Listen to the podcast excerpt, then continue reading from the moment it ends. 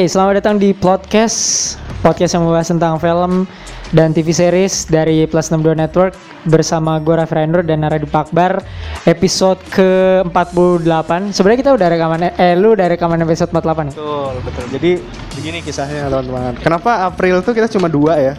Karena sebenarnya udah rekaman untuk Jakarta versus Everybody.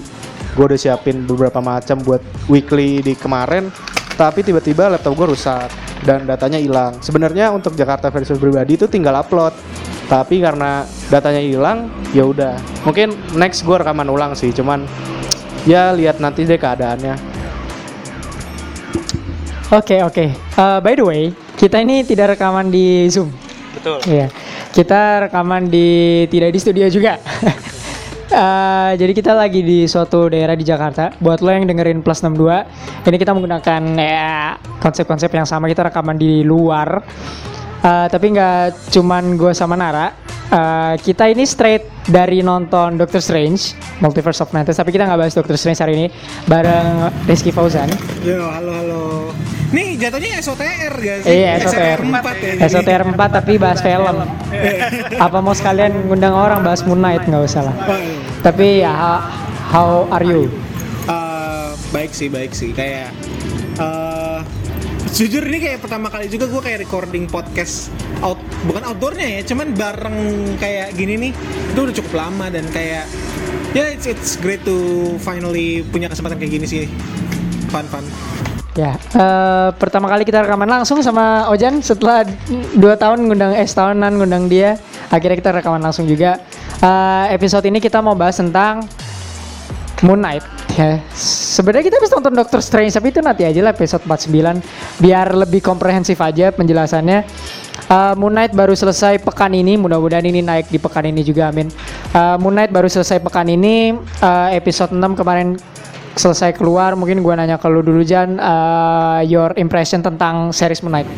Kalau impression artinya sebelum ini mulai ya, sebelum kayak kayak pas ini, gue pas denger announcement Moon Knight mau dirilis di MC apa, dirilis sebagai serial di Disney, jujur gue skeptis, ya kan? Karena ya maksudnya udah banyak gitu kan Disney Disney rilis saat ini kayak, terutama WandaVision gitu kan. Ya, gue wajar lah punya kekhawatiran apalagi nggak sih gue lebih khawatir bukan perkara mungkin story bakal biasa aja. Cuman gue pernah baca-baca sedikit run-run yang Moon Knight tapi gak agak kelar lah. Gue tahu seberapa apa ya seberapa kasar Moon Knight tuh bisa. Ya seberapa kejam seberapa ber- brutal lah komiknya tuh. Dan ketika tahu bakal rilis di Disney Plus impresi gue pertama kali adalah munculnya ketakutan bahwa ini bakal sangat di MCU fight gitu loh ngerti? Ya jadi kayak sangat di ini. Tapi pas pertama kali nonton episode pertama ya gue udah ada agak skeptis. Cuman pas itu kalau nggak salah episode pertama itu Moon Knight udah ada ya? Ya nggak sih? Udah, udah, udah. Kayaknya belum. Bukan ya? yang pas mukulin Oh, yang pas mukul di toilet ya, itu episode 1 episode satu. Terakhir. ending banget. Cuman pas dari Knight episode 1 gue cukup interested. Cuman ya selanjutnya ya nanti kita bahas pas sudah ini. Itu first impression gue kalau lu gimana Nar? Eh, kalau gue waktu di gue sama sih kekhawatiran gue pertama kali ketika Moon Knight akan dibuat adalah terlalu banyak batasan dari MCU karena kan ya lo tahu sendiri lah tapi setelah gue ngeliat trailer menarik dan begitu gue habis nonton episode pertama gue ngomong sama Ojan feeling gue bagus nih Jan biasanya feeling gue tuh bener soalnya peace- karena peacemaker Rainer kan ngejek-ngejek tapi bagus kan Nah, Moon Knight nih feeling gue bagus. Soalnya di episode pertama sebenarnya awalnya tuh gue tuh kayak oke oke Moon Knight. Begitu transisi Stephen ke Mark, gue langsung kayak wah legit nih. Kayaknya oke. Dan ternyata sampai akhir pun gue menyukai series ini, gue enjoy karena eh, agak jarang gue ngikutin serial tuh gue tonton tiap minggu. Biasanya gue binge watch. Gue ngelakuin ini kemarin Peacemaker dan sekarang Moon Knight.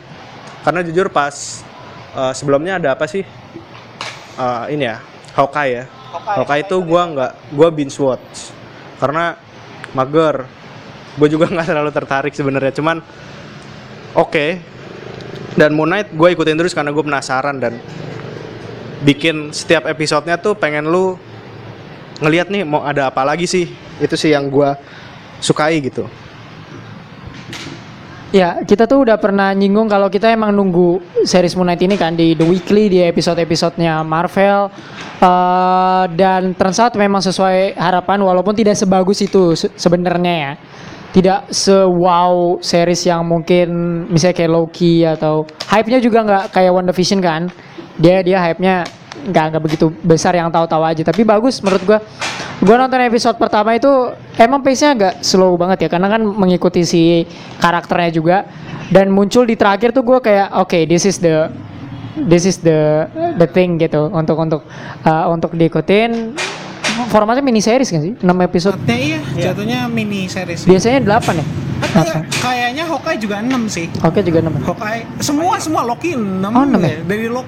Oh. Teva Teva juga 6, cuman WandaVision yang 8. WandaVision yang 8 ya Iya. dan ini tuh apa ya series ini tidak menjanjikan sesuatu ngerti nggak Ya. kalau WandaVision Loki something else itu kan menjanjikan sesuatu Iya, ini kayak lu nggak lu nggak usah berekspektasi apa pun Betul, dan nggak ada betul, betul. ya nanti kita bahas tentang uh, interaksi dengan MCU yang nggak ada sama sekali di sini Iya. kalau gua nggak salah nggak ada sama sekali di sini Minim, sangat sangat minim, minim. Nah. kalaupun ada sangat kecil banget um, the story itself dari plotnya menurut lu gimana apakah cerita ini memberikan eh cer- eh, series ini memberikan cerita yang komprehensif atau justru ini kayak lazy writing atau lu bener-bener ini cerita yang sangat berat karena bagi gue seperti itu Kayak gue sih nge-tweet kalau misalnya kalian follow gue di @murisfal di Iya, di sosial Twitter. media Hmm. LinkedIn. Di Twitter gue taruh kayak se ya sekelibet kayak kayak gue kalau misalnya nonton series tuh gue biasanya langsung upload review singkat gitu. Iya. Kayak Peacemaker gue mention terus Moon Knight gue juga komentar kalau misalnya secara keseluruhan Moon Knight itu cukup solid. Hmm. Kayak mereka ngebawa plot yang asik dan gue paham gitu dan self contained story yang menurut gue cukup engaging. Betul. Cuman apa ya? Gue merasa bahwa saat episode 1, 2 dan 3 itu cukup EV, ngerti gak sih kayak agak inkonsisten sama ceritanya. Kayak ada low point, ada high point gitu. Terutama juga karena tadi lu bilang walaupun ini tidak ada kayak minim hubungan dengan MCU, cuman tone MCU-nya tetap kerasa. Ya. Gua harus akuin. Despite ini adalah kayak dia menjanjikan sesuatu yang cukup brutal untuk sebuah MCU. Iya. Cukup, cukup, tapi tidak terlalu. Hmm. Ya sebrutal TVA TWS lah ya. Iya. Kan TVA TWS cukup brutal ya, terutama yang si John Walker-nya ya. Nah, itu jadi pas gua nonton Moon Knight kayak eh, mereka menjanjikan sesuatu yang brutal tapi tetap masih ada humor-humor MCU, masih ada adegan-adegan yang menurut gua nggak perlu nggak perlu gitu. Terus kayak jatuhnya agak manjang-manjangin. Tapi pas menuju menuju episode akhir gue gak tahu mungkin ini kayak kayaknya sih kayak kebanyakan ada yang ngerasa gini cuman tadi lu lu sempat mention juga kalau misalnya malah banyak yang merasa opposite-nya gue merasa plotnya Moon Knight baik ketika tidak Moon Knight-nya Oh gitu. kalau gua ngerasa gitu. Oh. Jadi kayak Moon Knight itu eh, openingnya menurut gue episode 1, 2 dan 3 menurut gue cukup goyang ceritanya. Cuman ketika udah mulai masuk episode di mana dia spoiler alert ya. Ya spoiler alert tidak terlalu bergantung kepada adegan superhero-nya di mana lebih bergantung ke eksplorasi, adventure. Gue merasa dia lebih engaging story-nya. Kita jadi lebih tertarik kayak kalau at least gue yang gue sih ngerasa gitu. Tapi kan what's what's the point nonton superhero nggak ada superhero-nya? good story. Waduh, jeda. Ya. Saya gue baca di di Twitter sama di Instagram. Di Instagram orang luar, di Twitter orang orang Indonesia. Eh, commenting pas bagian episode 456. Katanya endingnya tidak sesuai harapan. Gua ngapain nonton Moon Knight tapi Moon Knight-nya nggak ada gitu. Malah yang di malah ini spoiler juga episode terakhir justru munculin si Layla jadi avatarnya si Tawaret kan. Nah, itu banyak yang gua gua menemukan banyak yang mungkin berseberangan sama lu gitu. Ah, see, Kayak, see. what's the point nonton Moon Knight tapi tiga episode terakhirnya Moon Knight nggak muncul. Ah, Gitu. Iya, iya. Kalau gue sih merasa gitu. Kalau gimana? Kalau gue sih ya mau ada Moon Knight nggak ada Moon Knight gue tetap enjoy sebenarnya. Cuman memang apa ya gue agak nggak setuju dengan what's the point nonton superhero tapi nggak ada superhero nya. Karena ada banyak sebenarnya potensi di mana superhero itu nggak harus selalu muncul bisa jadi anggaplah kayak Brightburn tapi buat itu lebih horor dan superhero-nya anonim. Ceritanya kan bukan tentang superhero tapi lu diteror superhero. Di mana menurut gua akan jadi hal yang menarik dan fresh gitu. Daripada cuma jadi average series MCU nggak usah disebut. Nah. Eh, gua suka banget di sini adalah yaitu good story dan karakter development yang menurut gua oke banget Setuju, setuju banget, setuju banget. karena jujur di PS4 ini untuk karakter development agak sedikit apa ya teralihkan sama cerita sambung-sambungan universe sana sini Hmm. Hmm. Ya paling sih yang cukup masuk ke karakter development menurut gue WandaVision. Iya. Fokusin Wanda, cuman ya itu cuma satu di antara sebagian dan juga WandaVision punya tugas ngurusin tadi multiverse multiverse tadi. Ah. Sedangkan Moon Knight tadi kan self contained story jadi benar-benar kayak karakter development lebih kerasa bener-bener. ya itu yang apa ya gua lumayan fresh dapatkan dari MCU gitu di mana ada karakter development yang sangat baik di mana biasanya gua nggak tahu ya apa karena pengaruh direct cara orang-orang MCU mendirect di Avengers di mana lu sedih tapi sebenarnya lu nggak peduli-peduli amat gitu sama karakter tersebut. Karena lu nggak tahu backgroundnya. Iya. Kan? Lu kayak ya yang penting dia berantem aja. Tapi di Moon Knight lu bisa ngerasain sedih lu bisa ngerasain di episode 5 tuh lu sangat-sangat simpati sama Mark dan Steven gitu. Lu ngerasa bahwa lu nggak pengen meninggalkan mereka ketika lu Iya. nonton Kayak Moon Knight tuh berhasil memanusiakan karakter si Mark gak sih? betul Yang gue rasa cukup gagal di beberapa project-project MCU. Ah. karena waktu gua nonton Hawkeye gue merasa karakter developmentnya oke tapi banyak yang nggak dieksplor dengan baik Setuju, setuju. kayak bagaimana hubungan Clint dengan Natasha dan lain-lain Ya, yang di mana betul. diajak berantem, ayo berantem ketemu superhero baru berantem. Padahal Moon Knight ini, eh Moon Knight lagi si Hawkeye ini salah satu karakter yang menurut gue menarik banget kalau bahas secara relationship. Oke, gue mau ngebahas karakter development tadi nanti aja ya, bahas eh, di bagian karakter. Tadi lu nyebutin tentang brutal dan segala macamnya. Itu yang diharapkan gue pribadi nonton Moon Knight sih. Eh, adegan action itu kan yang bis, yang paling ditunggu lah dari film atau seri superhero gitu. Dari MCU kemarin sih looks good gitu ya, looking good. Tapi ada beberapa yang agak off gitu kan. Tapi yang di sini sangat menarik. Kayak contoh episode pertama itu kita udah mulai diliatin gimana brutalnya Moon Knight. Terus episode kedua yang Itu yang lari di gedung. lari di gedung itu Iya, iya, iya. menurut gue itu keren banget walaupun ini kita nggak diliatin spoiler eh, Jake Lockley eh, bener-bener Iya, agresif, nonjokin iya. orangnya dan menurut gue akan sangat brutal sekali tapi in some cases itu nggak kelihatan tapi brutal gitu menurut gue keren-keren banget eh, bagaimana apa ya, ac- action scene yang disajin di Moon Knight ini menurut gue brutalnya itu yang gak yang berdarah-darah tapi Iya. benar-benar tepat-tepat tepat sasaran gitu Betul, betul. gue gue suka banget termasuk eh, apa ya mungkin kalau lebih ke cerita gue harus menonton lagi karena ini kalau kita kita ikat sama MCU lah ya ini tuh udah udah level cerita yang beda gitu kalau The Falcon and the Winter Soldier tuh ngegeseknya em, tentang race tentang segala macam kita masih bisa relate ya tapi ini kan udah guts udah kepercayaan Dan juga dia mengangkat topik soal DID. Oh, Iya. the the the the ya trauma trauma itu kan. I- i- identity disorder. Identity disorder itu iya.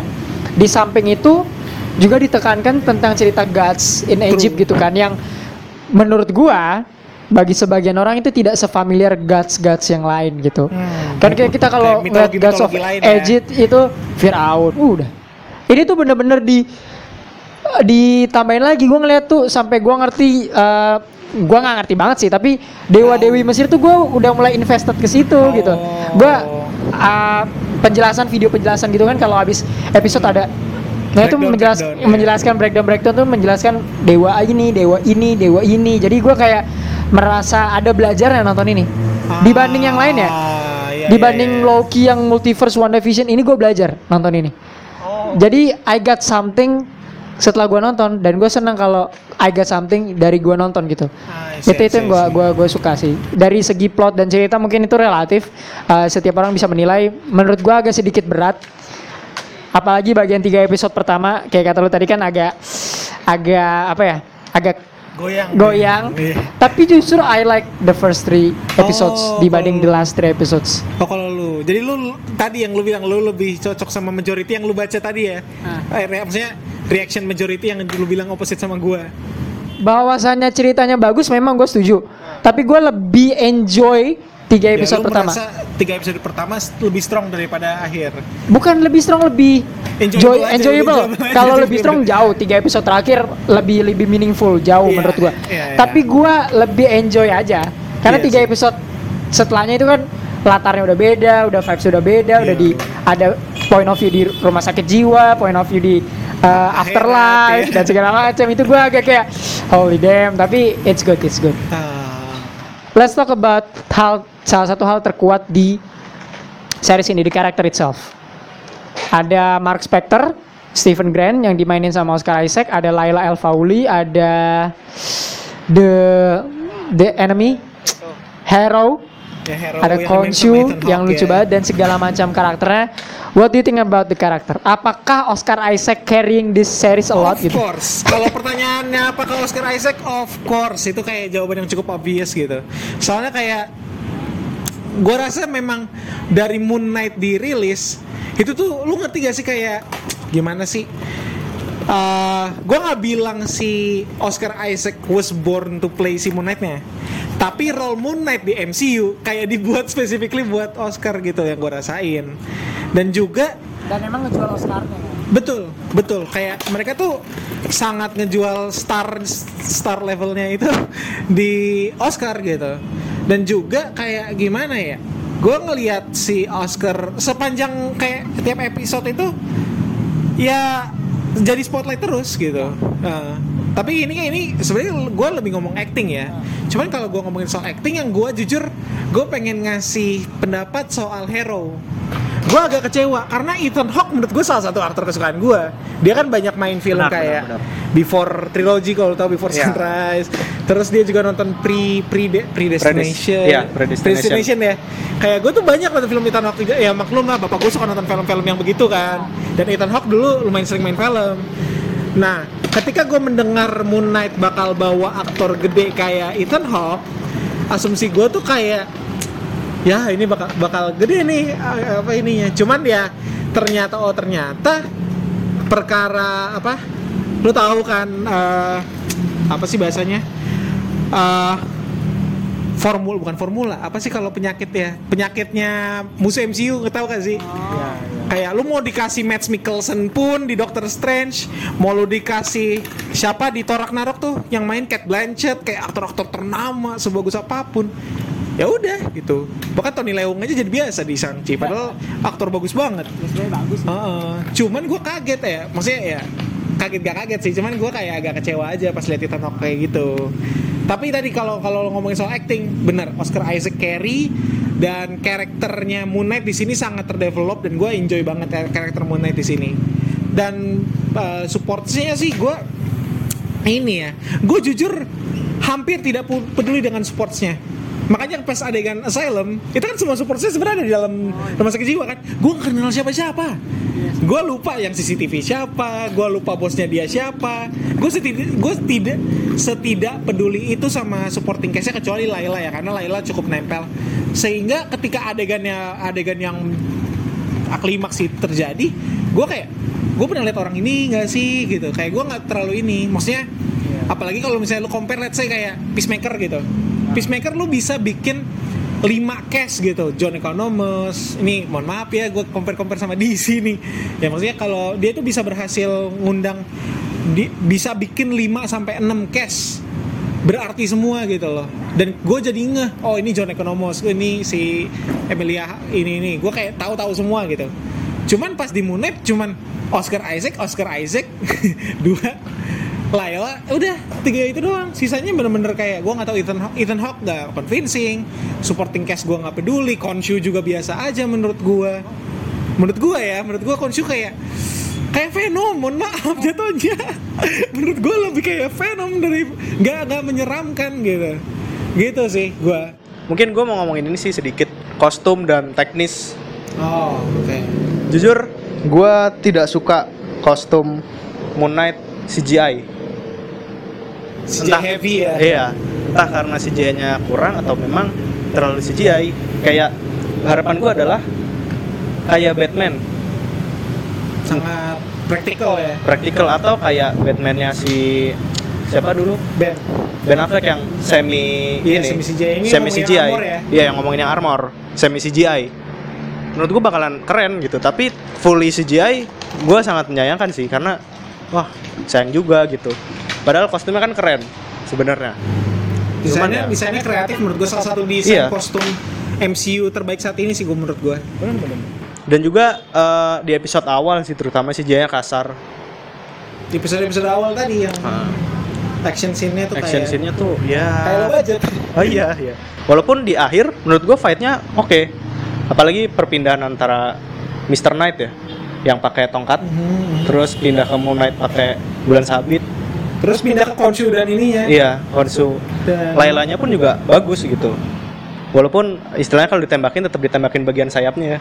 Nggak di orangnya gitu. Tapi biasa. Itu tipikal superhero banget. Itu itu gue yang suka. Salah satu hal teknis yang paling favorit sih perpindahan kepribadian sih. oh, iya, iya. Itu itu ini acting ya actingnya iya, si Oscar actingnya ya. si Oscar tuh gila sih. Kayak bener-bener bisa bikin karakter yang jomplang banget antara Mark sama Steven gitu. Bahkan di akhir-akhir pun pas ketemu Layla bisa ngebanting banget dari segi nada suaranya, ekspresinya. Itu yang menurut gua keren sih. Untuk sisanya menurut gua oke. Walaupun ya itu sih mungkin karena series ya. Jadi CGI-nya dihabisin di episode akhir. Pakai ada beranteman kaiju gitu. Jadi ya itu sih cuma emang gua jujur gue pikir fightnya akan grounded banget ternyata nggak juga sih kayak di episode akhir tuh nggak nggak grounded gitu sisanya menurut gue oke untuk Moon Knight Eh, soal Oscar Isaac jadi dua orang dalam satu dirinya dia. Series Indonesia kan lagi banyak yang kayak gini nih. Waduh, ya? Iya. Jadi lu mainin dua karakter. Ini lagi ada series Indonesia. Menurut gue ini harus take note sih dari sini ya. Gue nggak ngebela Hollywood it's something else tapi memang memang something. Tapi memang something else gitu. Iya. Maksud gue kayak Indonesia nih seriesnya it's too obvious gitu. Kalau kalau yang gue lihat ya.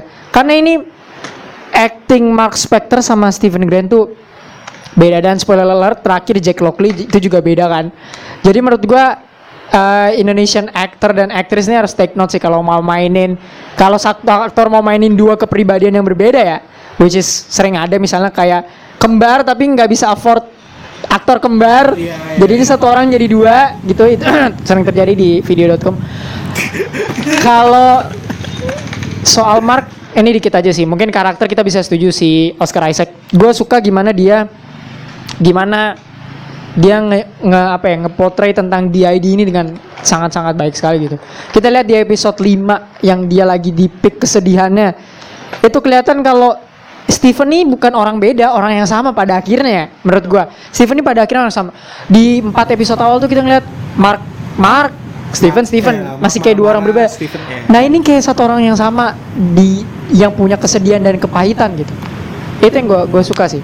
Ah. Portrayal dari apa ya traumanya, bagaimana dia mengubah dia jadi Steven untuk mencari kedamaian aja gitu. Itu itu gua gue suka banget karena gue yakin banyak orang di luar sana yang mungkin tidak se radikal perubahan ini ya, tapi pasti ada yang seperti itu. Pasti ada yang punya dua kepribadian dan tidak bisa mengatasi ini atau kepribadian lainnya dijadiin tameng. Ini gue suka banget. Kayak trauma bahwasannya ya orang tua dan segala macam itu penting gitu untuk keberlangsungan hidup kita gitu. Maksud gue kayak kalau orang tuanya gini akan menghasilkan anak yang seperti ini, gimana pun tracknya gitu. Itu yang gua suka dari sini sih. Yang gua tidak suka adalah bukan tidak suka sih tidak nangkep aja adalah arc afterlife-nya itu. Oh. itu gua kayak masih harus memproses lagi. Bukan gak suka gua nggak suka afterlife digambarin seperti itu ya tapi gua bingung aja gue harus memproses dan harus menonton lagi gitu what's the best scene out of Moon Knight dari lu Jan Oh, of course tadi yang lu satu dua tiga terserah Oke, kalau best scene sih menurut gue tetap sih episode ketika ibunya mati. oh why dong Hah? why Ya itu bener-bener menurut gue, gue kan ini. oh ini di funeral ibunya Iya. yang yang Yang Mark Spector nangis ke Yes, bawah gitu Yes, yes. oke Karena gini, kan kan tadi gue bilang, gue tuh suka Moon Knight ketika nggak ada Moon Knight-nya kan. Dan gue harus akui, gue kalau nonton series, kalau gue gak engage, gue skip. Kayak gue, lu tau gak sih skip skip 10 Iya. detik 10 detik. Iya. Gue ngapain itu? Kayak mohon maaf nih, gue mengaku filmmaker, eh, apa film film enjoyer tapi gue suka nge-skip skip. Tapi gue nonton Moon Knight beberapa kali kayak gitu. Dan itu kayak episode 5 benar-benar entirely di mana gue nggak nge-skip sama sekali. Gue terlalu engage dan terutama di adegan itu, di mana kayak gue suka banget di mana adegan itu pertama kayak bagaimana si kita tuh di sini kita penonton tuh kayak perannya itu sebagai Stephen Grant. Ya. kita sama-sama clueless gitu. Nah. kita melihat adegan si siapa? Si Mark Spector ini berkabung gitu. Tapi kita nggak ngerti gitu loh. Kayak itu yang gue rasain ketika nonton itu kayak wah gila. Eh, cara mereka nge-craft ini nih menarik banget gitu. Di mana kita kita ngelihat dia berubah. Itu bener-bener coping mechanism paling brutal paling ekstra menurut gue dan gue love every second of it. Terut dan terutama ketika si Mark Spector bilang udah udah nggak usah diliatin lagi gitu ke Stephen Grant. Terus Stephen Grant bilang lu gak perlu sedih. Lu masih kecil. Lu nggak salah. Itu bener-bener adegan yang bikin gue moved banget. Dan gue tidak pernah merasakan itu di keseluruhan project Phase 4 nya MCU jadi gue menurut gue itu yang paling best scene entire series buat gue scene itu. Scene berkabung itu ya? Dari lu? Ya sama sama. Kayak lu gue jujur kayak nusuk banget di hati. Pas Mark Spector nangis nangis terus tiba-tiba berubah jadi Steven habis itu oh gue nyasar. Terus telepon ibunya ternyata ibunya nggak ada. Tuh kayak waduh kok bikin scene sedih amat gitu. Itu bikin gue kayak wah anjir nih. Berarti kan selama ini itu bener-bener pinter nyembunyiinnya di mana selama 4 episode kita nggak dikasih tahu kalau sebenarnya ibunya udah nggak ada kan? Kita taunya Steven teleponan sama ibunya. Ternyata tuh kosong kan? Kayak pikirannya aja dipengaruhi gitu. Itu itu menurut gua hal terbaik sih. Pokoknya interaksi antara Steven dan Mark selalu jadi adegan terbaik sih di gua. Even Moon Knight-nya keren pun tetap lebih seru nontonin interaksi mereka. Nggak tahu kenapa makanya gua suka banget di sini tentang karakter development gitu. Dan apalagi Oscar Isaac actingnya gila-gilaan sih. So emang rekomend ya Knight ini. Gue nyari scene yang lebih beda deh. Walaupun itu scene scene terbaik ya. Itu memang menurut gue perubahannya Oscar Isaac itu ada beberapa momen dia berubah kan. Di tiga episode awal tuh berubahnya nggak kelihatan. Kayak ganti ya uh, shot dan segala macam. Tapi setelah dia yang bener-bener berubah gitu itu udah kelihatan banget dan di scene dia berkabung itu sih menurut gue yang itu gila banget. Itu itu bikin ya emotional roller coaster lah. Tapi gue mungkin pas ada Moon Knight-nya aja kali ya. Eh lu tau gak sih scene yang di apa? Yang Moon Knight-nya muncul di atas? Man that shit was crazy sih itu Batman shit banget. Yang dia di di di gedung segitiga itu pokoknya yang dia dia lagi mau gituin makam terus ada henchman yang mau nembak-nembak dia terus si Mark tiba-tiba hilang terus Moon Knight ada di atas gitu terus terbang make make sayapnya. Itu gokil banget sih menurut gue. Itu go gokil parah gokil parah. Itu gue kayak anjir. Terus yang dia berubah di bis yang take over my body terus langsung berubah itu banyak orang bilang gue nggak feeling it karena jubahnya kelihatan uh, CJ banget. Tapi gue suka banget nggak tahu kenapa. Kayak berubah itu kayak oh my god satisfying banget. Pokoknya segala macam yang berhubungan dengan Moon Knight terus kayak scene apa lagi ya? Scene Moon Knight yang lari di gedung nggak sih? Nah oh, enggak ya? Enggak, enggak. ada satu scene yang cukup oke buat gue gue cuman lupa. Tapi yang pasti yang dia berubah. Akhir pas ini terbang ke bulan pakai apa jubahnya jadi bulan sabit? Enggak begitu. Biasa aja. Yang mereka beradu sih itu oke sih. si hero terus ketemu Moon Knight itu oke sih walaupun a glimpse. Cuman gue suka yang dia tiba-tiba ada di atas itu. Itu menurut gue super keren sih. Super keren. Cuman ya kalau ngomongin Mark sama Steven lu lebih merasa deket Mark sama Steven daripada Mark sama Konsu gak sih? Iya nggak sih Walaupun seharusnya Konsu yang lebih deket kan Seharusnya Karena kan Steven beda personality Tapi setelah Mark sama Steven jadi nyatu Konsu tuh kayak Nggak Ah, berpengaruh lagi Apalagi pas Konsu mati Terus dia itu lagi mati. Konsu kan sempat mati kan Oh, Dia di, soalnya di, di, iya, di itu, itu. ada Moonlight episode 3 itu. Gue lupa satu scene yang semua orang suka Ganti, wall, ganti wallpaper Yang- oh, bulan. Ah, ah. Iya, iya, ganti bulan ya. Man, that shit is crazy sih. Ya, ya, Banyak ya, yang ya. ngomong, oh pantes uh, episode 1 2 CJ-nya jelek, budgetnya di episode 3 gitu. Menurut gue itu keren sih. Ah. Lebih keren dilihat di layar yang lebih lebar. Karena gue nontonnya di handphone. Oh, Menurut gue akan keren banget lihat di laptop atau TV yang gede gitu. Karena dia wide kan. Itu Oh iya, kalau ngomong agak beda ya, oh, tadi kan si, Na, si Nara sebenarnya setuju. Gue ada adegan Steve dan Mark yang gue lebih suka, eh, bukan lebih suka, sama sukanya sa- sama itu. Eh lu tahu nggak sih di episode 2 yang si Steven sama Mark pertama kali Mark akhirnya ngerebut lagi badannya sebelum pergi ke Mesir. Iya. Terus dia berantem di cermin. Ah. Yang si apa? Steven pertama kali ngerasainnya terjebak di dalam cermin. Itu gue suka banget. Yang pas dia marah-marah gitu sampai pecahin kaca. Gue kayak kayak gue tahu banget di di gue inget banget di Twitter di episode itu semua orang lagi kayak pro dan kontra perkara Mr. Knight ya kan karena ya gue gue juga agak-agak kurang setuju perkara Mr. Knight jadi agak hahaha Konyol lah, ya Deadpool esque ya.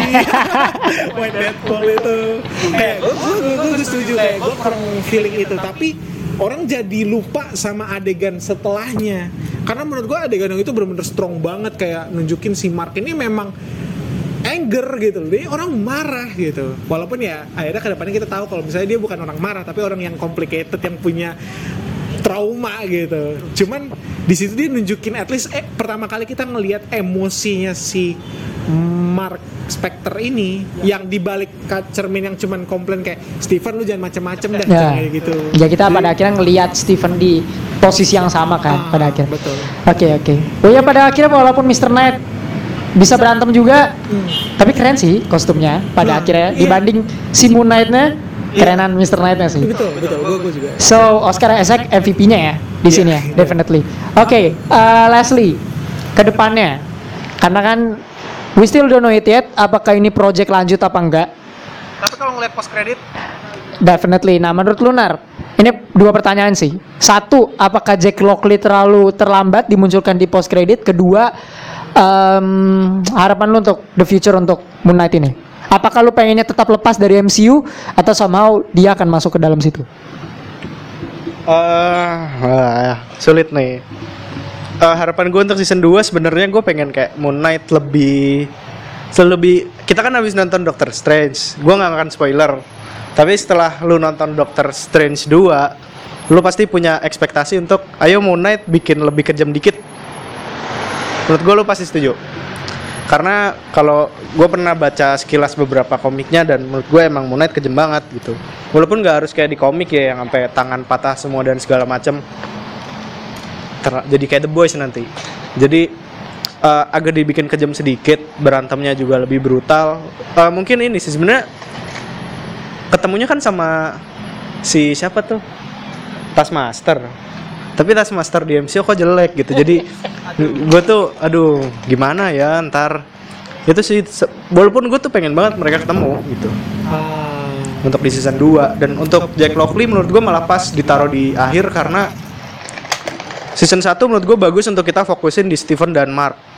Karena kalau munculin Jack Lockley takutnya adalah konflik mereka ini kecepatan jadinya kita nggak nggak nggak dapet feelnya. Menurut gue emang udah bagus sih dan ditaruh di akhir walaupun ada panel satu panel komik yang menurut gue cukup banyak dibahas dan belum muncul gue harap sih itu muncul sih di season keduanya Kalau gue malah jujur ya perkara Jack Lockley gue malah disagree sama lu.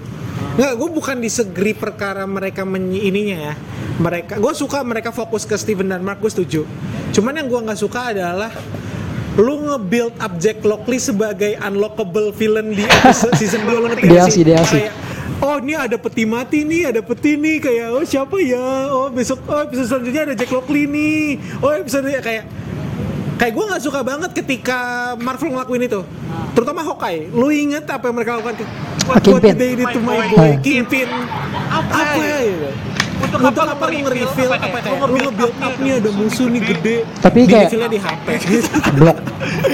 kayak gue gue gue kurang suka approach itu. Cuman gue suka mereka took time untuk fokus ke Steven dan Mark dan pengen bikin si apa si Jack Lockley ini kayak kayak mungkin fokus ke season 2 cuman harapan gue adalah jangan sampai Jack Lockley ini jadi kayak evil identity karena nyatanya bukan karena Iya. nyatanya lebih kompleks daripada itu Walaupun di post credit kayaknya looks iya, evil. ah. gambarannya kayak oh ini ada identity yang jahat loh padahal dia itu sama kayak Mark dimanipulasi sama Konsu karena si Jack Lockley suka ya Jack Lockley demen Hmm, violence lebih brutal. Iya, si Konsu kayak ngasih kesempatan buat vengeance vengeance gitu. Hmm, oke, oke. Jadi ya gua harap sih season 2 lebih fokus ke Mark dan Steven kayak pertama tuh aware dulu nih Jack Lockley ngapain sih. Gue pengen malah gue pengen banget season apa? Season 2 episode satunya itu kita fokus ke POV-nya Jack Lockley sepanjang satu season. Iya. Kayak, kayak gue pengen banget Setuju. gitu kayak wah ternyata selama ini yang kita lewatin tuh kayak gini-gini Iya. loh. Here's you miss di Ya. POV. Karena itu agak skipnya tuh agak jujur untuk beberapa orang agak mengganggu sih sebenarnya. Oh. Menurut gue skip bagian Lockley tuh gue agak mengganggu sih jujur. Tiba-tiba mati bedak. Cet, cet, cet, cet, cet, itu menurut gue in some part oke, in some part enggak gitu. Ah, Kayak yang pas pertama kali dia ngeblip itu kan pas dia di mau ditonjokin orang-orang tuh uh, Oh, scarab-nya iya, di iya. pedesaan itu oke tapi di saat scene butuh action kayak di Di- mobil di akhir. di di di akhir di akhir itu come on man should be better sih. Kayak di saat Marknya mau mati terus harapannya si Jake Lockley gitu tapi ya. Tapi menurut gua post credit ini ada the coldest post credit scene di MCU Phase 4 the coldest. Menurut gue ini keren banget post credit kayak Sheesh, gitu, keren banget sih menurut gue ya. Tapi ya itulah.